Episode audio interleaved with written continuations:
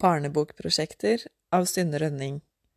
Det er overskriften på bloggens fjerde innlegg, som er publisert på hildervinge.no, og dette er lesesekvensen av denne.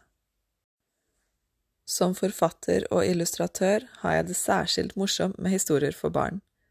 Jeg tenkte å fortelle litt om de jeg har gående i dette innlegget.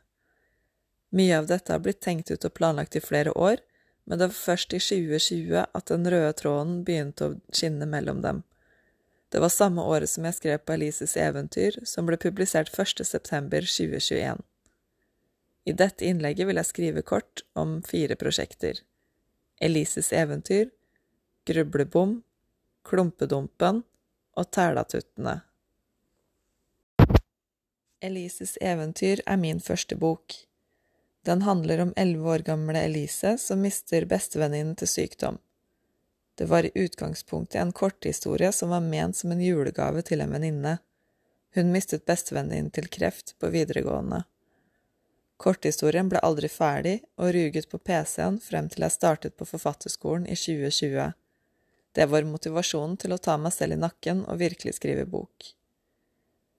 På det tidspunktet var jeg veldig syk. Jeg hadde egen leilighet, men bodde hos foreldrene mine da jeg ikke klarte å ta vare på meg selv. Det var en tom og hard hverdag, men skrivingen gjorde det bedre. Jeg hadde ikke konsentrasjon til å sitte lenge av gangen, og mellom 300 til 500 ord var vanlig på en gjennomsnittlig dag. Noen dager klarte jeg ikke skrive i det hele tatt, og bare stirret på dokumentet før jeg la PC-en bort igjen. Jeg hadde mange ideer da jeg bestemte meg for hvilken jeg skulle realisere først. Jeg skrev ned tolv av dem på papir og krysset systematisk ut, basert på hva jeg kunne håndtere. Alt som krevde mye research, ble strøket ut. Det hadde jeg ikke kapasitet til.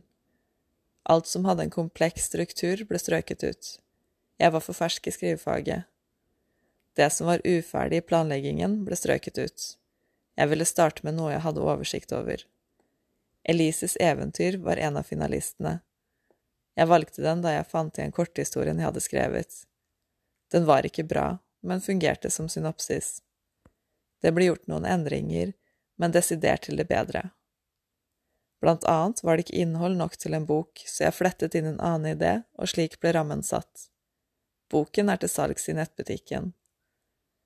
Etter å ha utforsket etter etterriket som verden og konsept, startet andre prosjekter å flette seg inn i dette. Jeg har alltid vært glad i den form for historiefortelling, men jeg skal ikke avsløre for mye av det før de neste prosjektene har fått liv. Grublebom ble et naturlig prosjekt nummer to, ettersom jeg opprinnelig ville realisere dem i rekkefølge. Jeg var usikker på hvordan jeg skulle gjennomføre dette prosjektet, og i skrivende stund har jeg fortsatt tvil. Skulle det være en serie av historier knyttet til hans liv i sirkuset? Var Klumpedumpen en karakter i sirkuset? Hvilken aldersgruppe skulle jeg skrive for? Videre fulgte en del kommersielle spørsmål. Det er naturlig, tenker jeg, når man lager et produkt en skal selge. For jeg var avhengig av salg om jeg skulle ha noen håp om å videreprodusere bøker og fortellinger. Tanken om å gå til forlag slo jeg snart fra meg, for om jeg selv ikke kunne se hvordan dette skulle markedsføres, så kunne jeg på ingen måte forvente at de ville ta i det. Det ble snart klart for meg at Grublebom måtte jeg anse som et kreativt utløp, mer enn en vare for butikkhylla. Det var en fryktelig deilig realisasjon, for da var jeg kreativt fri. Prosjektet var klart i 2022, og jeg hadde et håp om at det skulle publiseres i oktober samme år. Det har jeg ikke råd til. Særlig når jeg ikke engang hadde noen hjemmeside eller markedsføringsstrategi. Stabler med utsolgte bøker fra Elises eventyr står jo fortsatt igjen, så publiseringen er satt på vent. Klumpedumpen er det tredje prosjektet, men fjerde i arbeidsprioritering. Det er ikke på grunn av mye tekst eller en kompleks historie. Nei, dette krever mer av meg som illustratør. Jeg er ikke flink nok i skrivende stund. Historien er på papiret som et førsteutkast. Det vil si at det ikke er bearbeidet ennå og trenger modning og arbeid for å komme dit det skal være. Klumpedumpen er en magisk og vakker fortelling om familie, vennskap, plikt og hjerte. Jeg må bruke tid på prosaen for å yte den rettferdighet, men også tegningene. Det kunne blitt gjort langt lettere, men jeg vil ikke. Jeg kunne gitt det over til riktig illustratør, men kan ikke forsvare utgiftene. Det er frustrerende å bengsette prosjekter på den måten, men sånn er verden. Heldigvis er jeg ung, og muligheten for å virkeliggjøre dette over tid er absolutt til stede. Det fjerde prosjektet, som blir det tredje i prioritering, er Tælatuttene. Det er et bredt konsept med mye moro og verdensbygging.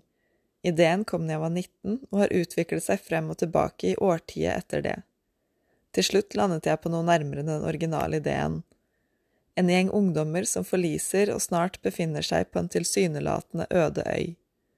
Dette var et prosjekt jeg ønsket å bygge opp til noe à la Mummidalen eller Andeby, hvor verdensbyggingen og karakterene gir rom for x antall ulike historier og scenarioer.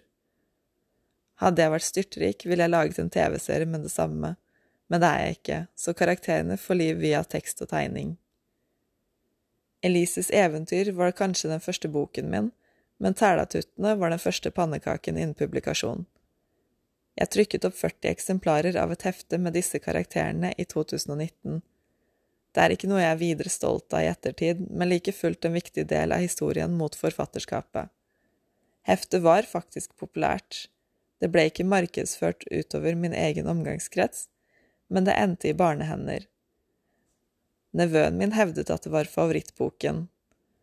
Særlig var det noen karakterer som skilte seg ut, og tilbakemeldingene var verdifulle. Prosaen og illustrasjonsjobben gir meg frysninger i dag, men det var noe der likevel, noe som fenget. Det var verdt å ta på alvor.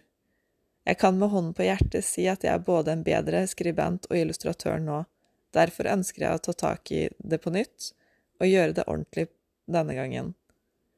Mye av humoren og fortellingen ligger riktignok i animerte skildringer, og i karakterdesign har jeg vektlagt muligheten til å kombinere bilder og tekst for å gi det det lille ekstra. Tegning tar mye tid, ofte mer enn skriving, jeg har mange prosjekter, så her trenger jeg å tenke annerledes. Det er jeg flink til, så det finner jeg ut av. Jeg kjenner en absolutt glede over å ha kommet i gang med egen blogg der jeg kan dele alt dette. Det er så gøy å få muligheten til å engasjere deg inn i min verden. Det er en særegen plass å være, men jeg håper du vil ha en fortryllende tid mens du utforsker den. Takk for at du hørte. Denne bloggen finner du på hildervinge.no.